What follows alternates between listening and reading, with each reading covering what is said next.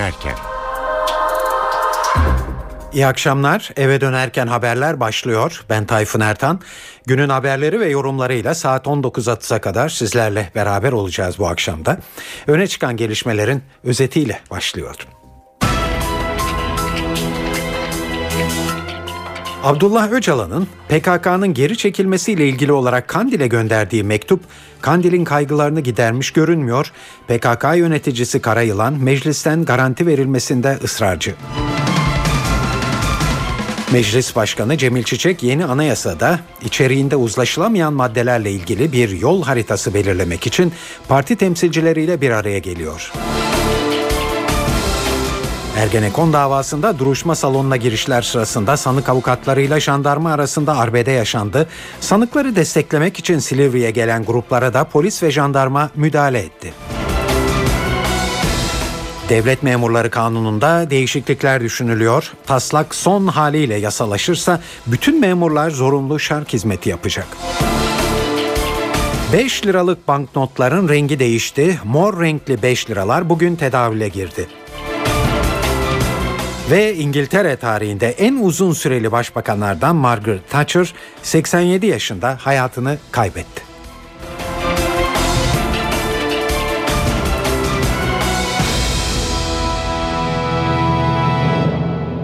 İyi akşamlar.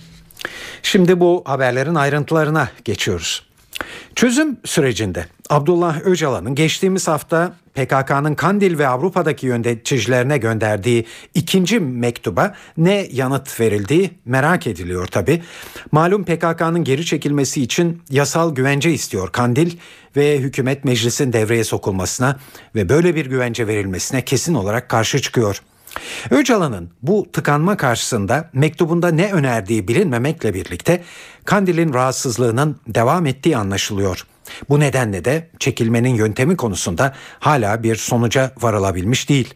Öcalan'ın mektubunu Kandil'e götüren BDP eş genel başkanı Selahattin Demirtaş işte bugün bu tıkanmaya işaret eden bir açıklama yaptı.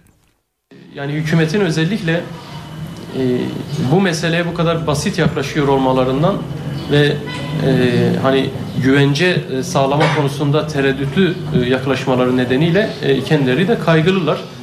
Yani hem geri çekilmenin kararının kolay olmayacağını hem bu kararı alırlarsa uygulamanın da kolay olmayacağını düşünüyorlar. Evet Kandil'de güven konusunda çok büyük tartışmaların yaşandığını, karar alma konusunda çok zorlanıldığını belirten Selahattin Demirtaş, bundan sonra sürecin nasıl işleyeceğini de şöyle anlatıyor. Özellikle bugünlerde e, Sayın Başbakan'ın e, çözüm sürecine dair vereceği güçlü mesajlar, e, güven verici mesajlar ben eminim ki e, karar almak durumunda olanların da e, elini rahatlatacaktır. Burada bir iki gün daha çalışmalarımızı e, yürütmenin akabinde KCK'nin e, cevabı mektubunu e, biz e, Ankara'ya ve e, İmralı'ya götüreceğiz e, tahmin ediyoruz ki e, cevap İmralı'ya ulaştıktan sonra Sayın Öcalan e, son bir değerlendirme yapacak ve sürece dair varsa bir çağrısı bu çağrıyı e, yapacaktır. Demirtaş bu açıklamayı bu sabah Kuzey Irak'ta Erbil'de yapıyordu. BDP eş başkanı Demirtaş'ın kaygılı olarak nitelediği cepheden Kandil'den de bir açıklama geldi. Örgütün bir numaralı yöneticisi konumunda bulunan Murat Karayılan Başbakan Erdoğan'ın silahsız çekilin çağrısına karşı Başbakan atın önüne araba koymak istiyor dedi. Çözüm sürecini İspanyol El País gazetesine değerlendiren Karayılan, Türkiye'de 2000'den fazla PKK'lı militan var. Kuzey Irak'ta da 5000 PKK'lı bulunuyor. Çekilme sürecinde Başbakanın mutlaka saldırı olmayacağı garantisi vermesi gerekiyor. Garanti verilene kadar sınır dışına çekilmeyeceğiz dedi.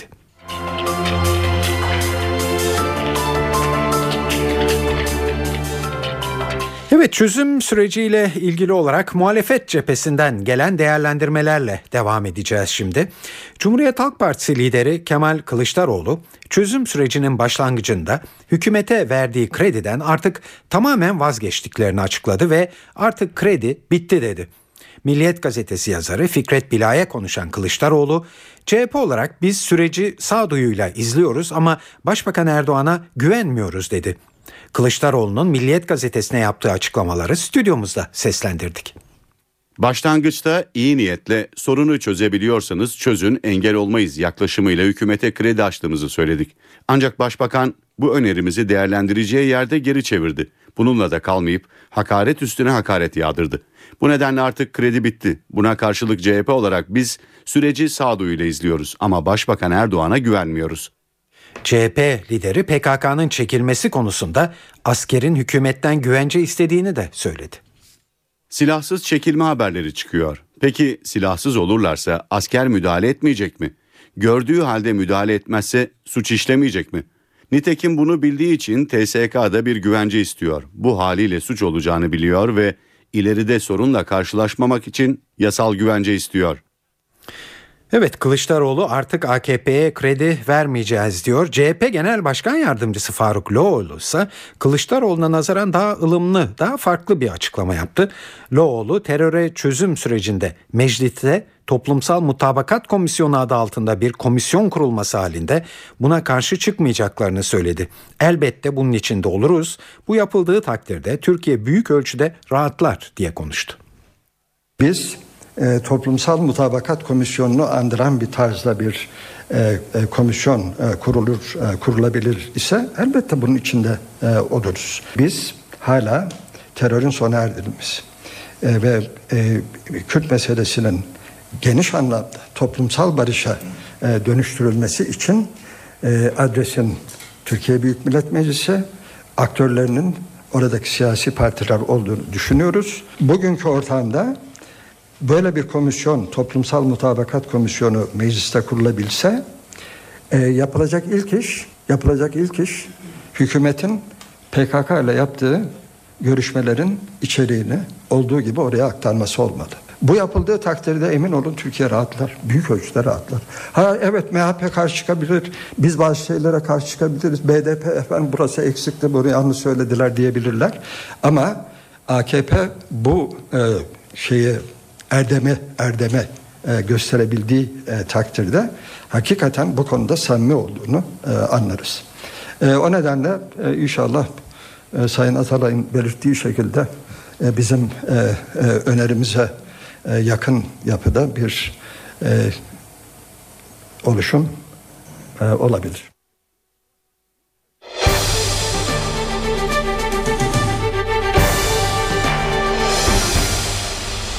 Ankara'da bugün bir başka kritik e, gündemde yeni anayasa çalışmaları. Meclisteki uzlaşma komisyonunun çalışma süresi geçtiğimiz hafta sona erdi. Ancak partiler yeni anlaşmada yani yeni anayasada uzlaşmaya varamadı. Bugün de Meclis Başkanı Cemil Çiçek dört partinin komisyon üyeleriyle akşam yemeğinde bir araya gelerek içeriğinde uzlaşılamayan maddelerle ilgili bir yol haritası belirlemeye çalışacak. Bu yemeğe katılacak olan komisyon üyelerinden görüşler yansıtacağız sizlere ama ondan önce komisyonda neden ilerleme sağlanamadı sorusunun yanıtı için muhabirimiz Ercan Gürses'e başvuruyoruz. Mecliste yeni anayasa mesaisi devam ediyor ancak uzlaşma sağlanıp sağlanamayacağı konusunda ciddi kaygılar var. Aylardır süren mesai ile ilgili olarak daha önce Meclis Başkanı Cemil Çek yılbaşına kadar tarih vermiş. Bunu Mart ayının sonuna kadar uzatmıştı. İktidar Partisi ve Muhalefet Partisi arasında tam uzlaşma sağlanamadı. Yeni anayasanın 130 civarında maddeden oluşması hedefleniyordu. Ama şu ana kadar itiraz olmadan 4 partinin de kabul ettiği madde sayısı sadece 35. Bazı maddeler parantez içerisinde şerhlerle birlikte kabul edildi. Tabi temel itiraz noktaları var. Barış ve Demokrasi Partisi ana dilde eğitim konusunda bir isteğin anayasaya girmesini istiyor. Buna MHP'nin ciddi olarak karşı çıktığı belirtiliyor. Yine aynı şekilde AK Parti'nin başkanlık sistemi konusundaki isteğinin CHP ve MHP tarafından kabul edilemez bulunduğu yönünde açıklamalar yapılmıştı.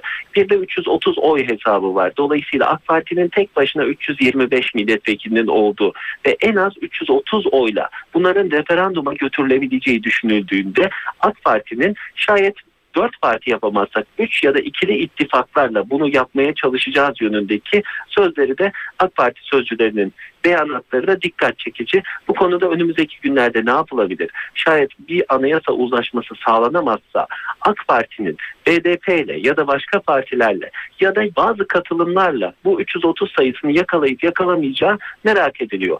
Ercan Gürses, NTV Radyo Ankara.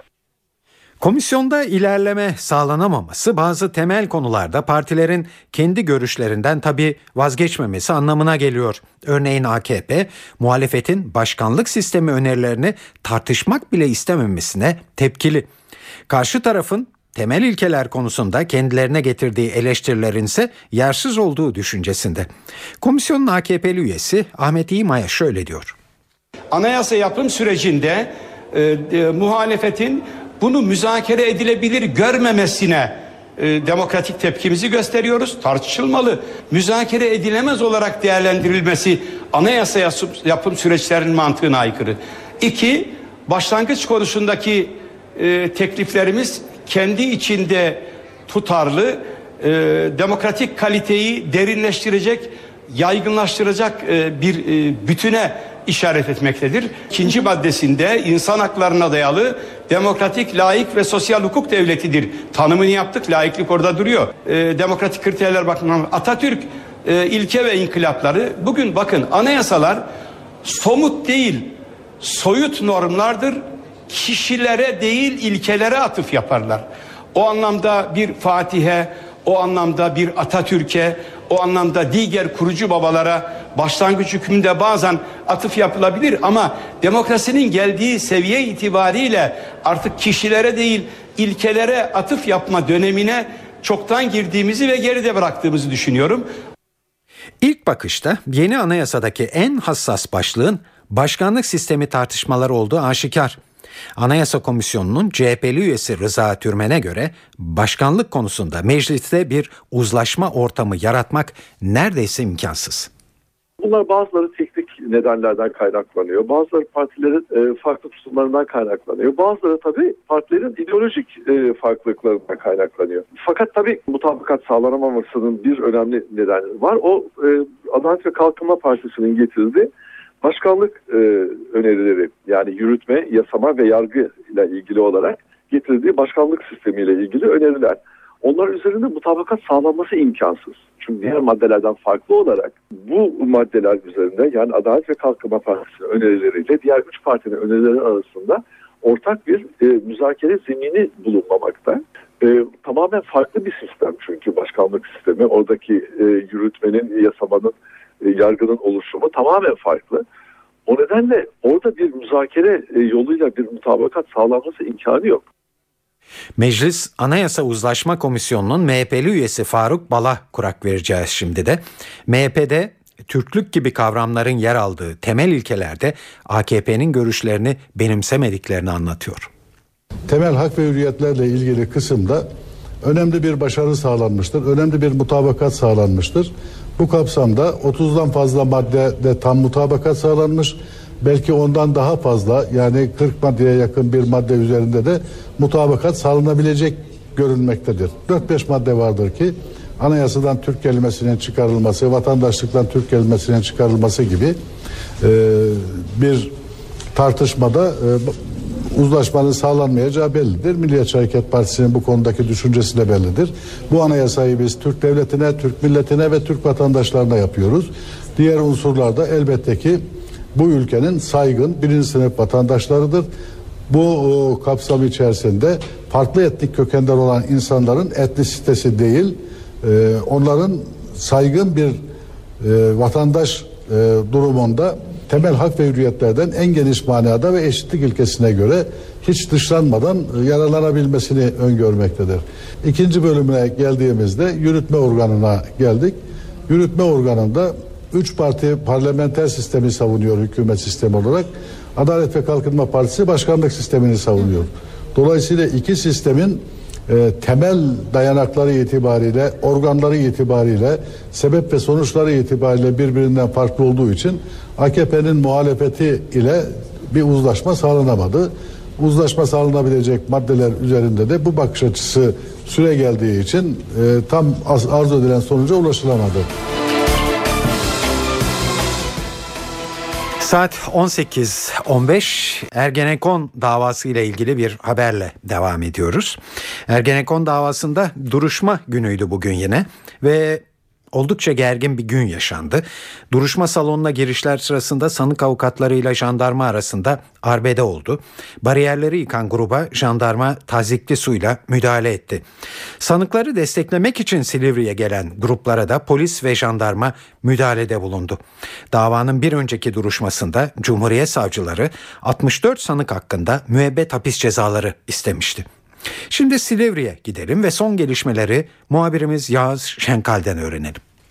Silivri önü bugün deyim yerinde ise savaş alanına döndü. Ergenekon sanıklarına destek için gelenler güvenlik bariyerlerini yıkınca gaz ve tazikli suyla müdahale yapıldı.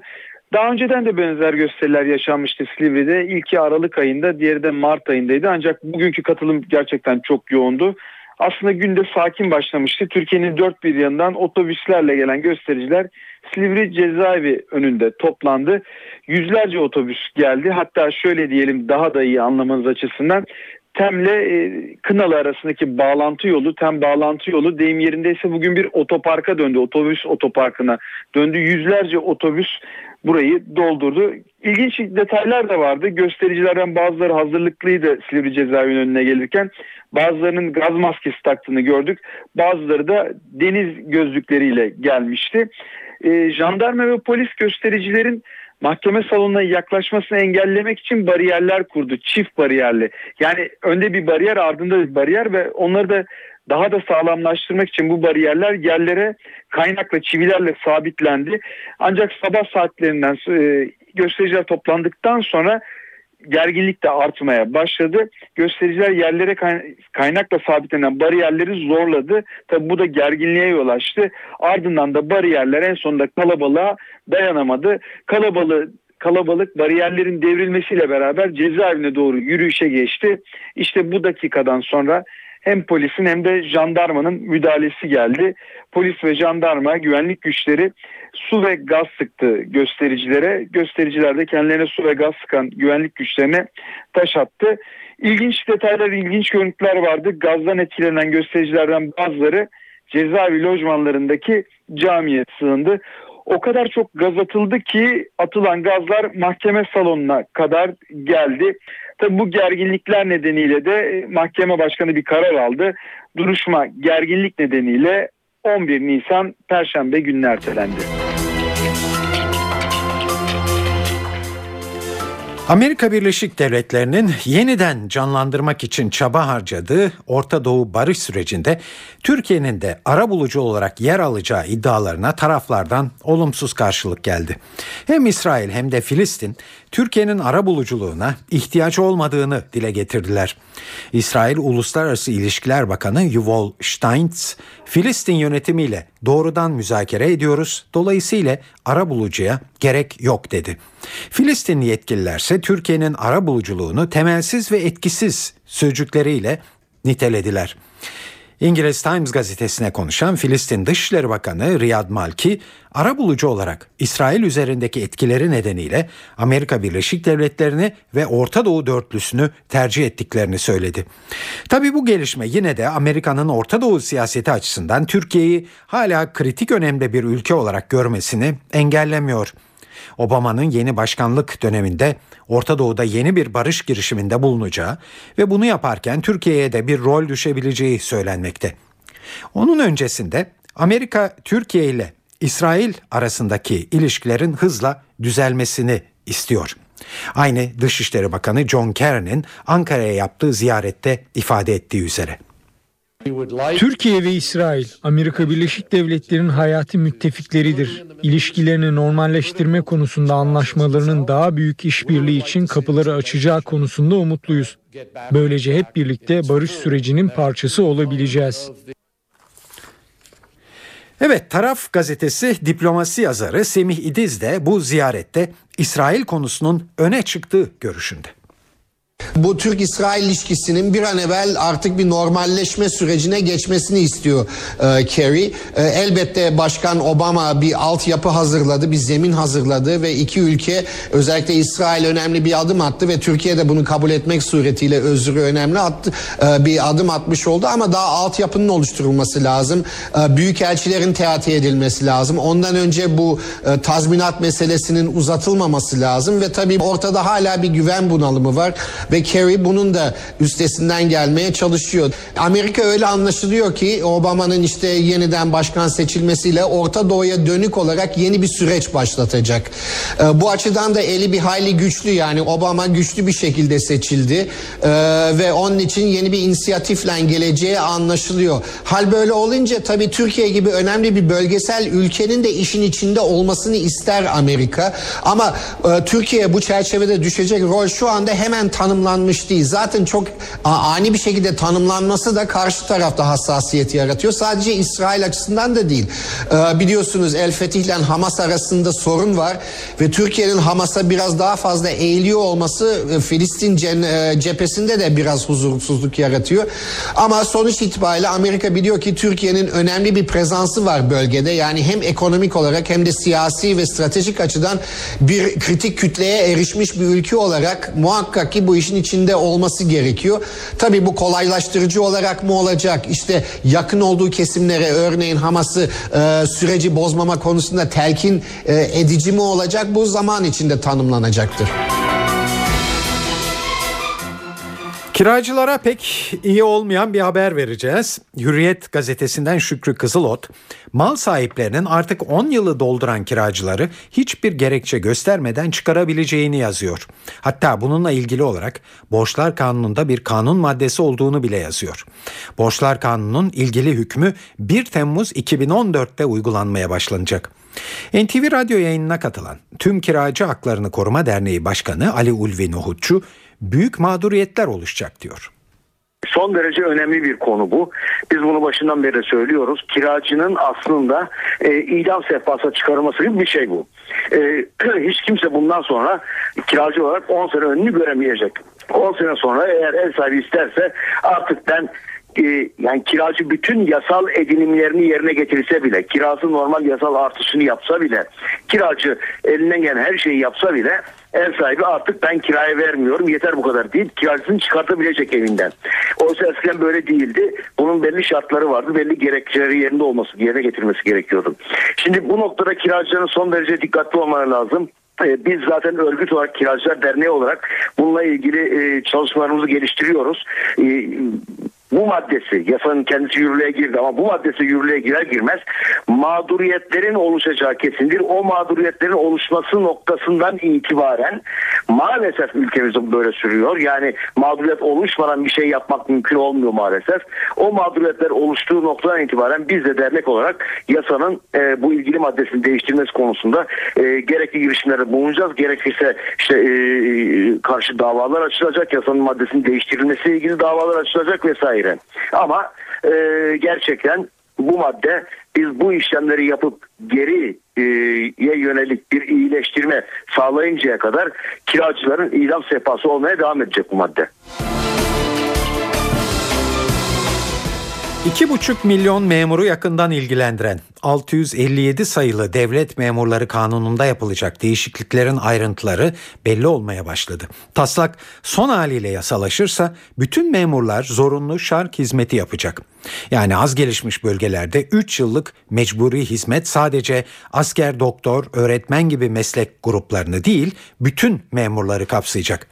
Bu yasayla nitelikli personel dağılımındaki dengesizliğin önüne geçilmesi amaçlanıyor.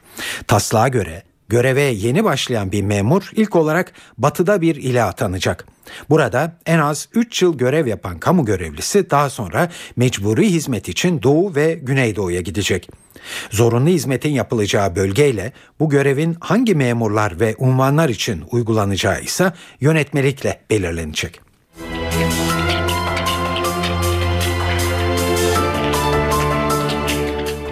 5 liralık banknotların rengi değişti. Mor rengin hakim olacağı yeni 5 liralar bugün tedavüle girdi. Amaç 5 liralık banknotun 50 lirayla karıştırılmasının önüne geçmek. Peki bu değişiklik sokağa nasıl yansıdı? Tepkilere kulak veriyoruz şimdi. Şu paraya ben bir bakayım ben.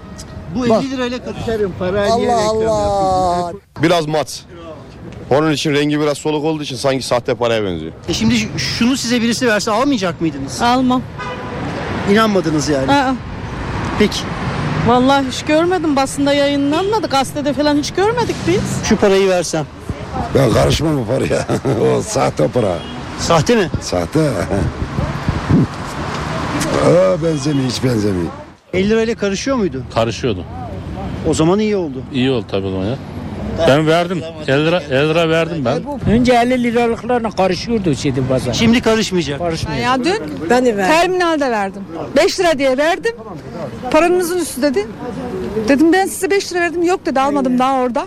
Bir de baktınız 50 lira. 50 mıymış? liraymış. Şimdi artık karıştırmazsınız. Karıştırma. Şimdi para ve sermaye piyasalarında bugün yaşanan gelişmelerle devam edeceğiz. CNBC'den Enis Şener'den anlatıyor. İyi akşamlar. Haftanın ilk işlem gününde en dikkat çekici konu yabancıların tahvil piyasasında artan ilgisi oldu. Türkiye piyasalarında dolar satıp tahvil alan yabancılar gösterge tahvil faizinin uzun bir aradan sonra tekrar %6'nın altına gerilemesini sağladı. Bu arada TL'de de kayda değer bir değerlenme yaşandı. Dolar TL kuru Şubat'tan bu yana ilk kez 1.79 seviyesinin altına geriledi. Analistler yabancı ilgisini Merkez Bankası politikalarına bağlıyor. Faiz indirimi beklentilerinin daha hissedilir hale gelmesiyle yabancıların tahvile yöneldiği görüşü piyasalarda hakim. Tahvil faizlerindeki gerileme borsadaki banka hisselerinde olumlu etkiledi ve BIST 100 endeksi günü %1.55'lik güçlü primle 83 bin seviyesinin üzerine çıkarak tamamladı. Banka hisselerinde prim %2'yi aştı. Düşük faiz ortamının devam edeceği beklentisi banka kar marjı tahminlerine de olumlu yansıyor. Dış piyasalarda da bugün daha olumlu bir görüntü vardı. Japonya'nın parasal genişleme adımları ve ABD Merkez Bankası Fed'in parasal genişlemeye devam edeceği beklentisi borsaları destekledi. Para piyasalarında ise risk iştahının artması Euro'ya yaradı ve Euro dolar paritesi 1.30 seviyesinin üzerinde tutundu. Şimdi de yurt genelinde hava tahminleri için e, NTV Meteoroloji Editörü Gökhan Abur'a kulak vereceğiz. En azından İstanbul'da kışa geri dönmüş gibi bir gün yaşamaktayız bugün. Acaba bu koşullar ne kadar devam edecek? Gökhan'a kulak veriyoruz. İyi akşamlar. Batı bölgeler yeni haftaya yağış ve serin hava koşullarıyla başladı. Doğuda hava ılık ama haftanın ikinci yarısı batıda sıcaklıklar yeniden yükselirken doğuda giderek azalacak. Yarın Marmara ve Kuzey Ege'de yağış beklemiyoruz. Batı Karadeniz'de hafif, Orta ve Doğu Karadeniz'de İç ve Doğu Anadolu'da aralıklarla devam edecek. Yağışla birlikte sıcaklıklar da giderek azalacak. Çarşamba günü batıda sıcaklıklar yeniden yükselirken doğudaki yağışlar yer yer kuvvetli olmak üzere etkisini sürdürecek. Doğudaki yağışların haftanın ikinci yarısı aralıklarla devam etmesini bekliyoruz. İstanbul'da yağış yok yarın için hava kapalı. Rüzgar soğuk esmesini sürdürecek ve sıcaklık 13 derece olacak. Gece sıcaklığı da çok yüksek değil ve 8 derece. Çarşamba günü güneş kendisini bolca göstermeye başlayacak. Ankara'da yarın hafif yağmur bekliyoruz. Sıcaklık 12 dereceye çıkacak. Gece sıcaklığı 5 derece. İzmir'de yarın zayıf yağmur görülebilir. Rüzgar oldukça soğuk esmesini sürdürüyor. Sıcaklık ise 16 derece olacak. Gece sıcaklığı da 12 derecenin altına inecek. Hepinize iyi akşamlar diliyorum. Hoşçakalın. Galatasaray UEFA Şampiyonlar Ligi'nde yarın Real Madrid'le İstanbul'da yapacağı çeyrek final rövanş maçını bekliyor. Sarı Kırmızılı ekip Florya Metin Oktay tesislerinde basına kapalı bir çalışma yaptı bugün. Galatasaray'ın rakibi Real Madrid'de İstanbul'da Santiago Bernabéu stadında oynanan ilk maçı 3-0 kazanan Real Madrid'de cezalı Xabi Alonso ve Sergio Ramos'la Brezilyalı oyuncu Kaka kadroda yer almadı. Yoğun güvenlik önlemi altında havalimanından çıkan Real Madridli futbolcular gazetecilerin sorularını da yanıtsız bıraktılar. Yarınki maçla ilgili son notları NTV Spor muhabiri Irmak Kazuk'tan alıyoruz. Evet, Galatasaray yarın Şampiyonlar Ligi e, çeyrek final rövanş karşılaşmasında Real Madrid'i konuk edecek. Bilindiği gibi geçtiğimiz hafta çarşamba günü oynanan mücadele Madrid'de 3-0 Real Madrid'in üstünlüğüyle sonuçlanmıştı. E, yarın Sarı Kırmızı'da ekip e, tabii ki tur şansı rakibine oranla az da gözükse yine de son dakikaya kadar zorlama amacıyla e, ve ülke puanını bir anlamda yukarıya çekme amacıyla yarın sahaya çıkacak. E, Galatasaray dün e, basına kapalı bir antrenman gerçekleştirdi. Bugün e, saat 19'da ilk 15 dakika açık bir antrenman yapacak. Son antrenman artık bu. Real Madrid maçı öncesinde Galatasaray'ın e, antrenmanın hemen arkasında antrenman takip eden saat biliminin hemen başında saat 8'de bu defa teknik direktör Fatih Terim kameraların karşısına geçecek ve bir anlamda yarınki maç öncesi hem takımdaki son durumu kafasında nasıl bir 11 var, nasıl bir oyun anlayışı var bunu bizlerle ve e, ekranları başındaki futbol severlerle paylaşacak Galatasaray'ın hocası. Saat 18.41 şu ana kadar size hep Türkiye'den haberler sunduk. Şimdi dünyada en çok konuşulan haberlere geçeceğiz. Ama onun öncesinde şu ana kadar sunduğumuz haberleri kısaca özetliyoruz. Abdullah Öcalan'ın PKK'nın geri çekilmesiyle ilgili olarak Kandil'e gönderdiği mektup Kandil'in kaygılarını gidermiş görünmüyor. PKK yöneticisi Karayılan meclisten garanti verilmesinde ısrarcı. Meclis Başkanı Cemil Çiçek yeni anayasada içeriğinde uzlaşılamayan maddelerle ilgili bir yol haritası belirlemek için parti temsilcileriyle bir araya geliyor. Ergenekon davasında duruşma salonuna girişler sırasında sanık avukatlarıyla jandarma arasında arbede yaşandı. Sanıkları desteklemek için Silivri'ye gelen gruplara da polis ve jandarma müdahale etti. Devlet Memurları Kanunu'nda değişiklikler düşünülüyor. Taslak son haliyle yasalaşırsa bütün memurlar zorunlu şark hizmeti yapacak. Ve 5 liralık banknotların rengi değişti. Mor renkli 5 liralar bugün tedavüle girdi.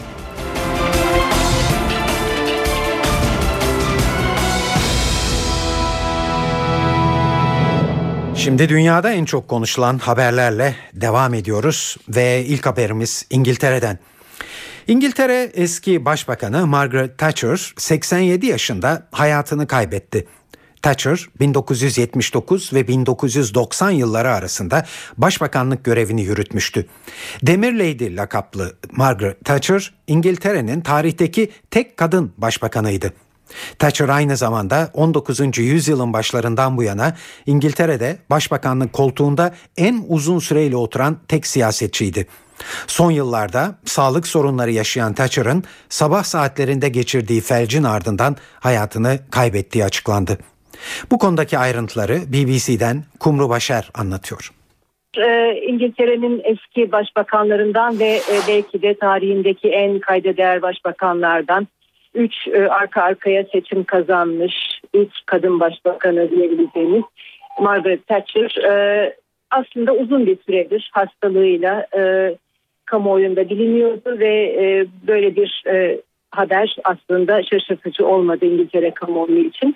E, Margaret Thatcher İngiltere siyasi tarihinde çok önemli bir isim. E, kendisi e, dünya çapında e, monetarizm politikalarının e, en önemli dünya çapında savunucularından ve uygulayıcılarından biriydi. Türkiye'de bu yönüyle çok iyi bilinir. E, ve e, Türkiye'de e, Turgut Özal dönemine denk gelmişti. Yakın işbirliği içinde oldukları biliniyordu o dönemde.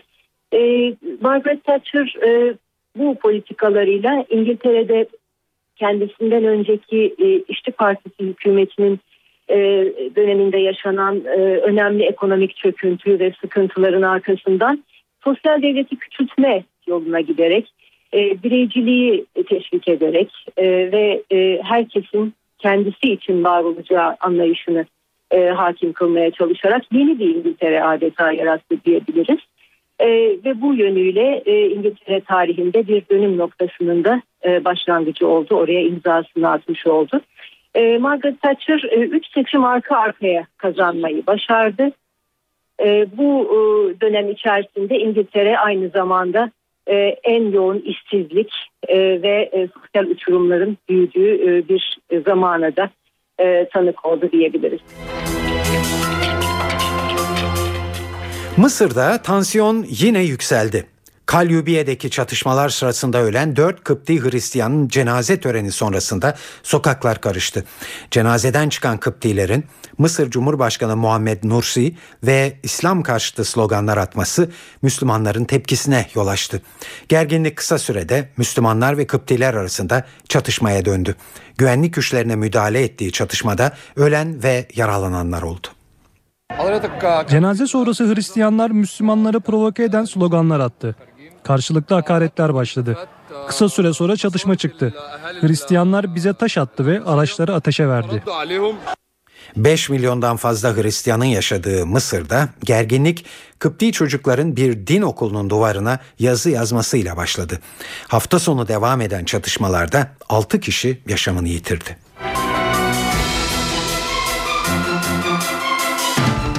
Julian Assange'in kurucusu olduğu Wikileaks yeni belgeler yayınladı. Bu belgeler 1970'li yıllara ait Amerikan diplomatik ve istihbarat raporlarından oluşuyor. Bunlar 1973 ve 1976 yıllarını kapsayan 1 milyon 700 bin belgeden oluşuyor. Aslında Wikileaks'in yayınladığı bu yeni belgeler Amerikan ulusal arşivlerinde bulunuyor. Ancak bu sayede Amerikan ulusal arşivlerine giremeyenler de artık belgeleri görebilecekler. Bu yeni çalışmayı Londra'daki Ekvador Büyükelçiliğine sığınmış olan Julian Assange gerçekleştirdi. Wikileaks 2010 yılında yayınladığı 250 binden fazla Amerikan belgesiyle dünya gündemine oturmuştu.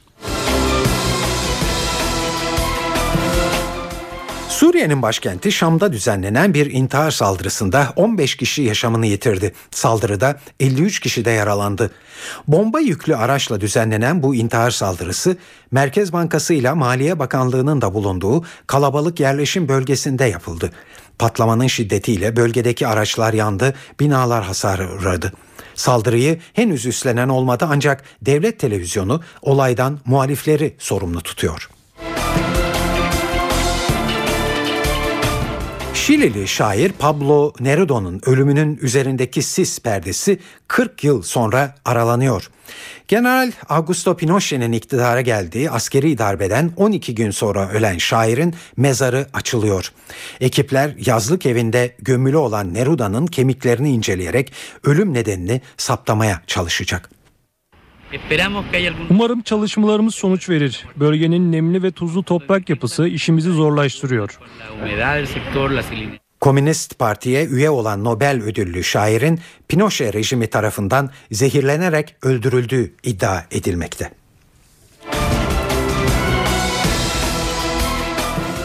Rusya Devlet Başkanı Vladimir Putin Almanya'daki temasları sırasında Femen grubu üyelerinin protesto gösterilerine hedef oldu.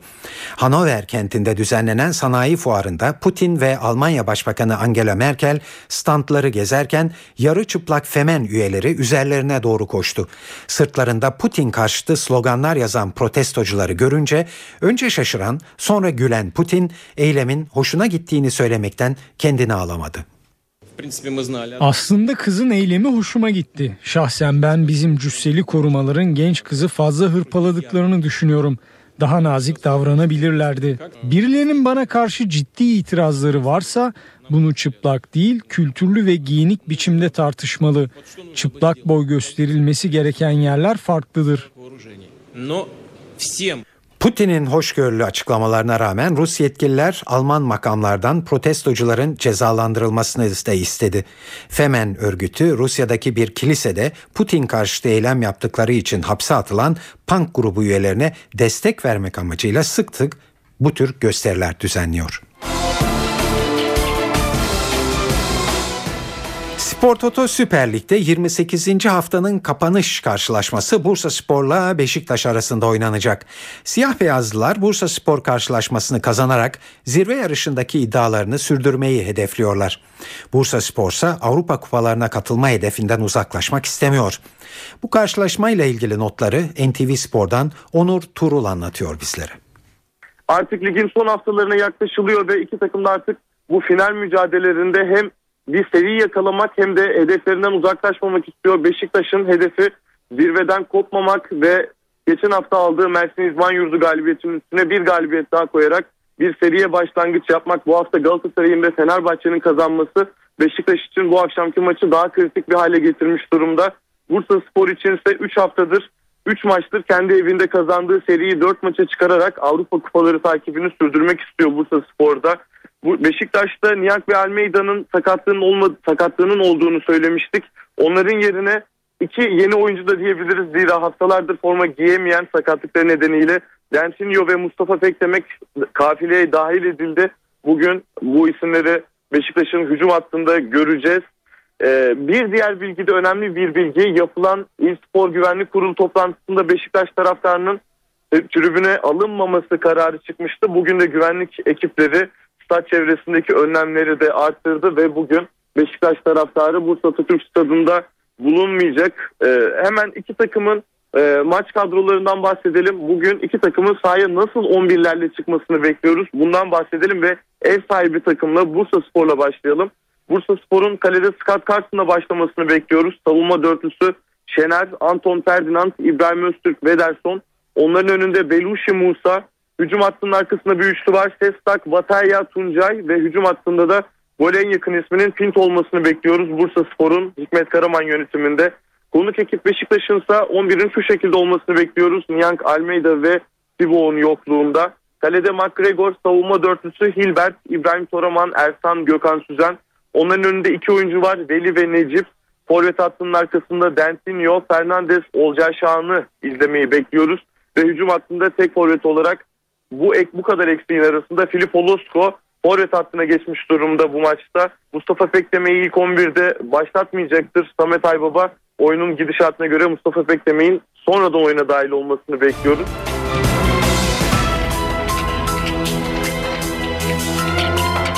Ergenekon davasında duruşma salonuna girişler sırasında sanık avukatlarıyla jandarma arasında arbede yaşandı.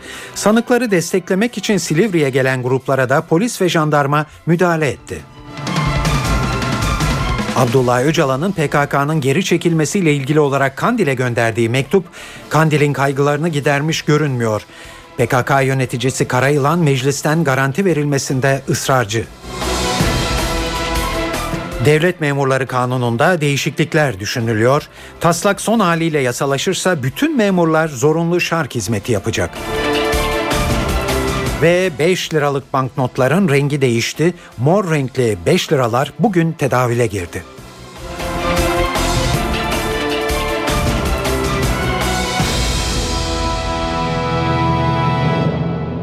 Ergenekon davasında duruşma günüydü bugün ve oldukça gergin bir gün yaşandı Silivri'de. Duruşma salonuna girişler sırasında sanık avukatlarıyla jandarma arasında arbede yaşandı. Bariyerleri yıkan gruba jandarma tazikli su ile müdahale etti. Sanıkları desteklemek için Silivri'ye gelen gruplara da polis ve jandarma müdahalede bulundu. Davanın bir önceki duruşmasında Cumhuriyet savcıları 64 sanık hakkında müebbet hapis cezaları istemişti. Şimdi Silivri'ye uzanalım ve son gelişmeleri Yağız Şenkal'den öğrenelim. Silivri cezaevinin önü bugün deyim yerindeyse savaş alanına döndü. Ergenekon sanıklarına destek için gelenler güvenlik bariyerlerini yıkınca gaz ve tazikli suyla müdahale yapıldı. Daha önceden de benzer gösteriler yaşanmıştı Silivri'de. İlki Aralık ayında, diğeri de Mart ayındaydı. Ancak bugünkü katılım gerçekten çok yoğundu. Aslında günde sakin başlamıştı. Türkiye'nin dört bir yanından otobüslerle gelen göstericiler Silivri cezaevi önünde toplandı. Yüzlerce otobüs geldi. Hatta şöyle diyelim daha da iyi anlamanız açısından Tem'le e, Kınalı arasındaki bağlantı yolu, Tem bağlantı yolu deyim yerindeyse bugün bir otoparka döndü. Otobüs otoparkına döndü. Yüzlerce otobüs burayı doldurdu. İlginç detaylar da vardı. Göstericilerden bazıları hazırlıklıydı Silivri cezaevinin önüne gelirken. Bazılarının gaz maskesi taktığını gördük. Bazıları da deniz gözlükleriyle gelmişti. E, jandarma ve polis göstericilerin mahkeme salonuna yaklaşmasını engellemek için bariyerler kurdu. Çift bariyerli. Yani önde bir bariyer ardında bir bariyer ve onları da daha da sağlamlaştırmak için bu bariyerler yerlere kaynakla çivilerle sabitlendi. Ancak sabah saatlerinden e, göstericiler toplandıktan sonra gerginlik de artmaya başladı. Göstericiler yerlere kaynakla sabitlenen bariyerleri zorladı. Tabi bu da gerginliğe yol açtı. Ardından da bariyerler en sonunda kalabalığa dayanamadı. Kalabalığı kalabalık bariyerlerin devrilmesiyle beraber cezaevine doğru yürüyüşe geçti. İşte bu dakikadan sonra hem polisin hem de jandarmanın müdahalesi geldi. Polis ve jandarma güvenlik güçleri su ve gaz sıktı göstericilere. Göstericiler de kendilerine su ve gaz sıkan güvenlik güçlerine taş attı.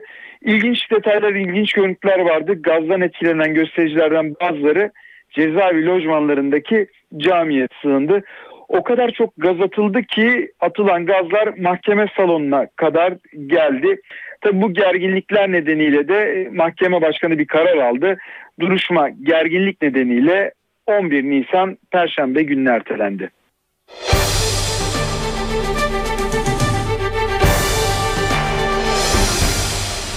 Çözüm sürecinde Abdullah Öcalan'ın geçtiğimiz hafta PKK'nın Kandil ve Avrupa'daki yöneticilerine gönderdiği ikinci mektuba ne yanıt verildiği merak ediliyor.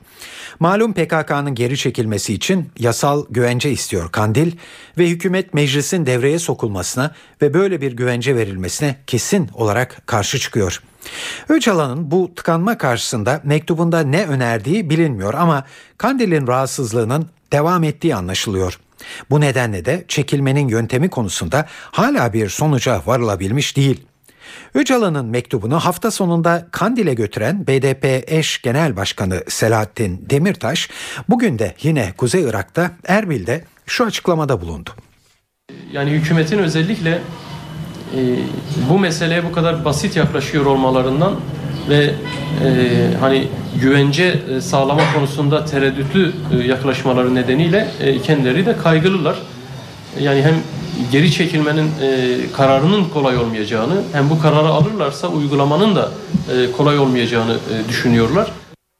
Kandil'de güven konusunda çok büyük tartışmaların yaşandığını, karar alma konusunda çok zorlanıldığını da belirten Selahattin Demirtaş, bundan sonra sürecin nasıl işleyeceğini de anlattı. Özellikle bugünlerde e, Sayın Başbakan'ın e, çözüm sürecine dair vereceği güçlü mesajlar, e, güven verici mesajlar ben eminim ki e, karar almak durumunda olanların da e, elini rahatlatacaktır.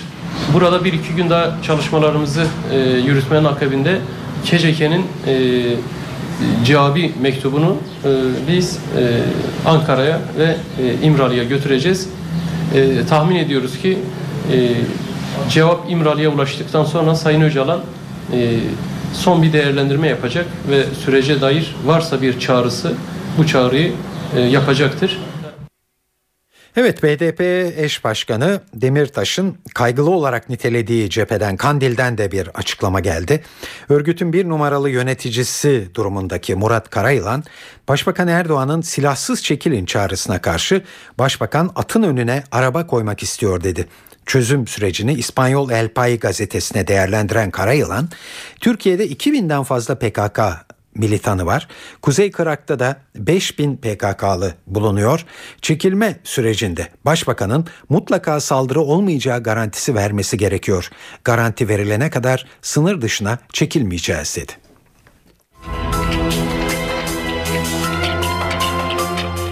Çözüm süreciyle ilgili olarak muhalefet cephesinden de değerlendirmeler geldi.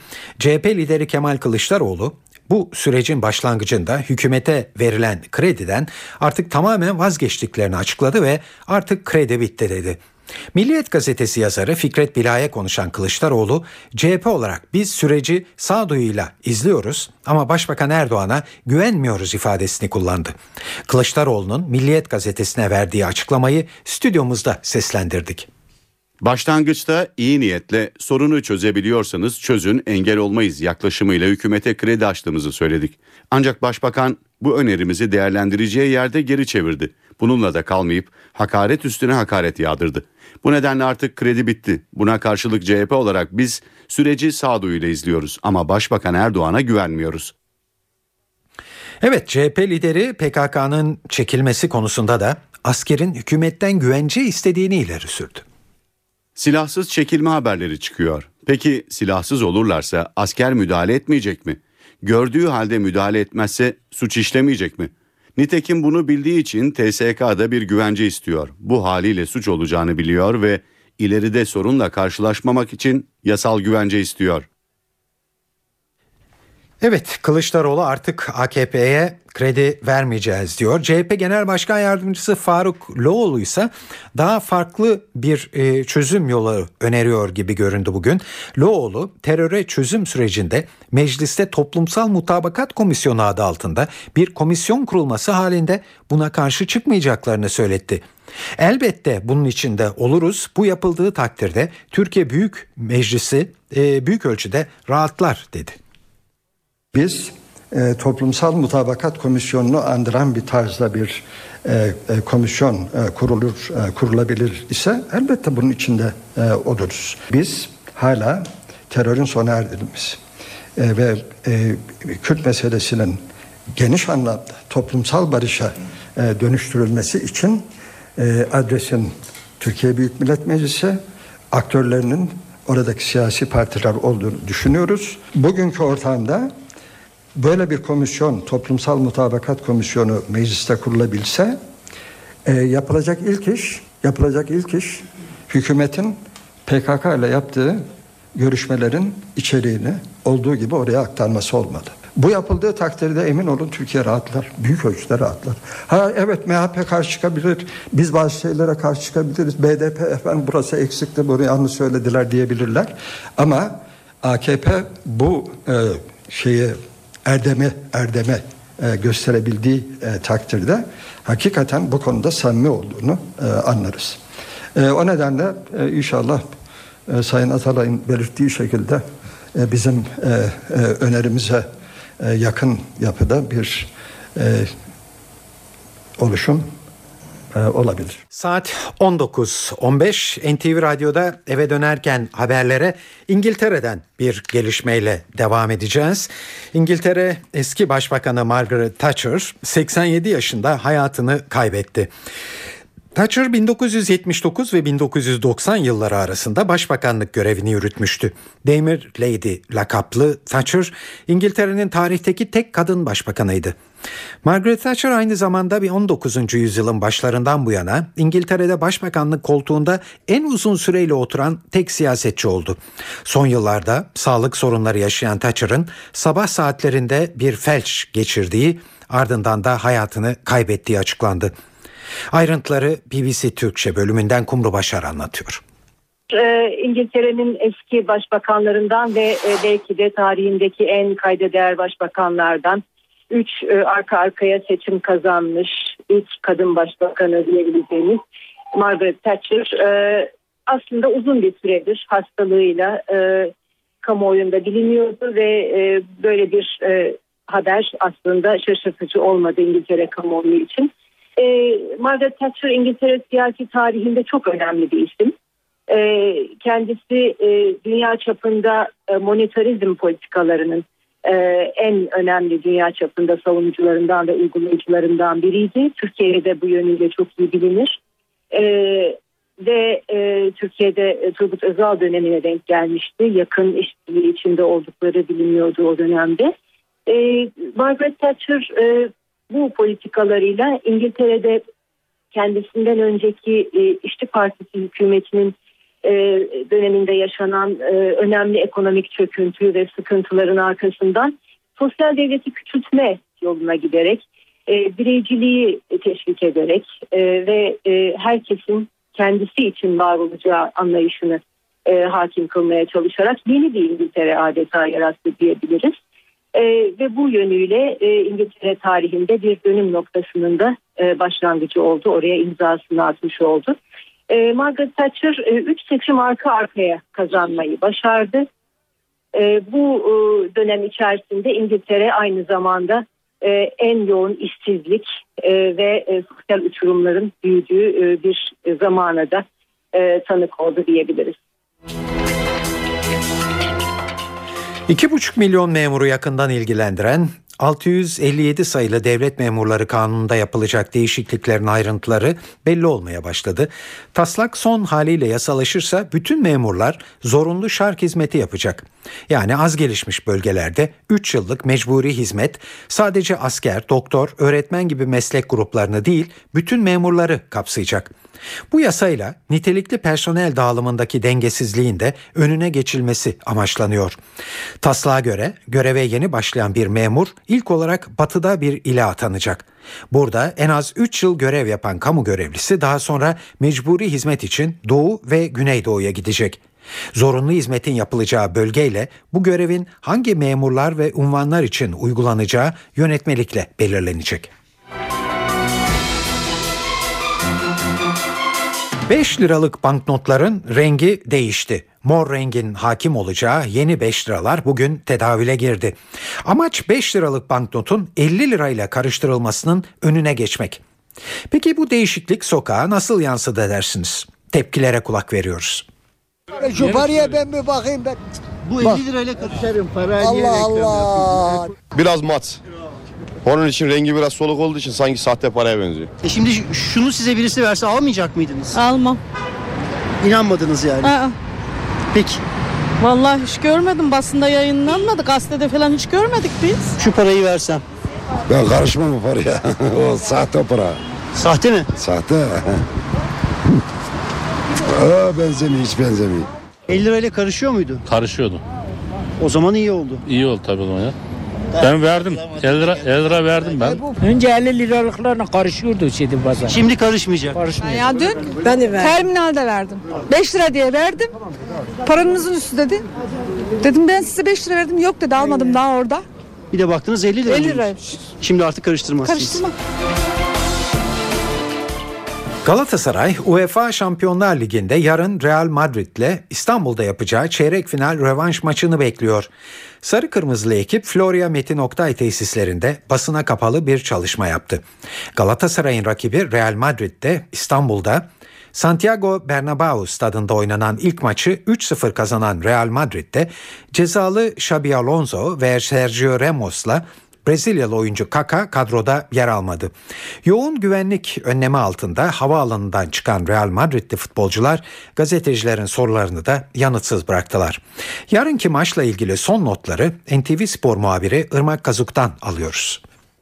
Evet Galatasaray yarın Şampiyonlar Ligi e, çeyrek final rövanş karşılaşmasında Real Madrid'i konuk edecek. Bilindiği gibi geçtiğimiz hafta çarşamba günü oynanan mücadele Madrid'de 3-0 Real Madrid'in üstünlüğüyle sonuçlanmıştı. E, yarın sarı kırmızılı ekip e, tabii ki tur şansı rakibine oranla az da gözükse yine de son dakikaya kadar zorlama amacıyla e, ve ülke puanını bir anlamda yukarıya çekme amacıyla yarın sahaya çıkacak. E, Galatasaray dün e, basına kapalı bir antrenman gerçekleştirdi. Bugün e, saat 19'da ilk 15 dakika açık bir antrenman yapacak. Son antrenman artık bu. Real Madrid maçı öncesinde Galatasaray'ın e, antrenmanın hemen arkasında antrenmanı takip eden saat biliminin hemen başında saat 8'de bu defa teknik direktör Fatih Terim kameraların karşısına geçecek ve bir anlamda yarınki maç öncesi hem takımdaki son durumu kafasında nasıl bir 11 var, nasıl bir oyun anlayışı var bunu bizlerle ve e, ekranları başındaki futbol severlerle paylaşacak Galatasaray'ın hocası. Bayern Münih, Eintracht Frankfurt deplasmanında aldığı 1-0'lık galibiyetle Bundesliga'da şampiyonluğunu ilan etti. Bitime 6 hafta kala mutlu sona ulaşan Bavyera ekibi Bundesliga tarihinde en erken şampiyonluğu alan takım oldu aynı zamanda. En yakın takipçisi Borussia Dortmund'un 20 puan önünde bulunuyor Bavyera ekibi. Ve kalan 6 haftada 7 puan daha toplarsa Dortmund'a ait 81 puanlık rekoru da eline geçirecek. Sırada kültür ve sanat faaliyetlerinden derlediğimiz haberler var.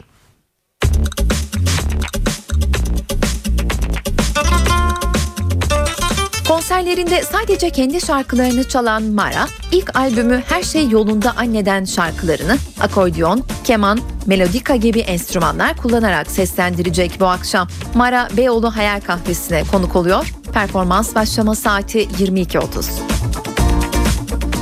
İKSV'de ise Ben Pierre Riviere sanatseverler için sahnelenecek. Gerçek bir hikayeden uyarlanan oyunda 20 yaşındaki çiftçi Pierre Riviere'nin annesini, kız kardeşini ve erkek kardeşini öldürdükten sonra hücresinde cinayetleri nasıl ve neden işlediğini anlatan bir hatırat yazar. Bu hatırat büyük yankı uyandırır. Ben Pierre Riviere, Michel Foucault ve arkadaşlarının adliye arşivlerinden çıkardıkları hatırattan ortaya çıkıyor. İKSV'deki oyun saat 20.30'da açıyor perdelerini.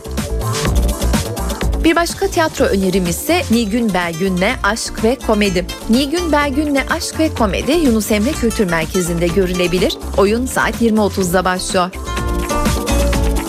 İkinci katta ise Out oynanıyor. Alper Kul ve Özgür Özgürgün'ün beraber yazdıkları oyunda Ferit Kaya, Erkan Kolçak Köstendil, Taner Ölmez, İhsan Ceylan, Sinan Arslan gibi isimler rol alıyor. Oyunun yönetmeni ise Eyüp Emre Uçaray. Out 20.30'da başlıyor. Ankara'dan da bir tiyatro önerimiz var. Leyla'nın evi Ankara Devlet Tiyatrosu Şinasi sahnesinde sahneleniyor. Oyunun başlama saati ise 20.30. Akşam evdeyseniz CNBC'de bugün Wayne's World 2 adlı film var. Mike Myers'ı yıldızlığa taşıyan devam filmi Wayne's World 2'de ayrılmaz ikili bir rock konseri organize etmeye çalışırken bir yandan da Wayne'in sevgilisinin başka bir adamla evlenmesini engellemeye çalışıyor. Film 23'te başlıyor. Öncesinde ise saat 19'da The Closer, 20'de Two and a Half Men, 22'de ise yeni bölümüyle Game of Thrones ekranda olacak. E2'de de saat 23'te Workaholics izlenebilir. Star'da da 20'de Survivor, 23.30'da da yeni bölümüyle Fırıldak ailesi izlenebilir.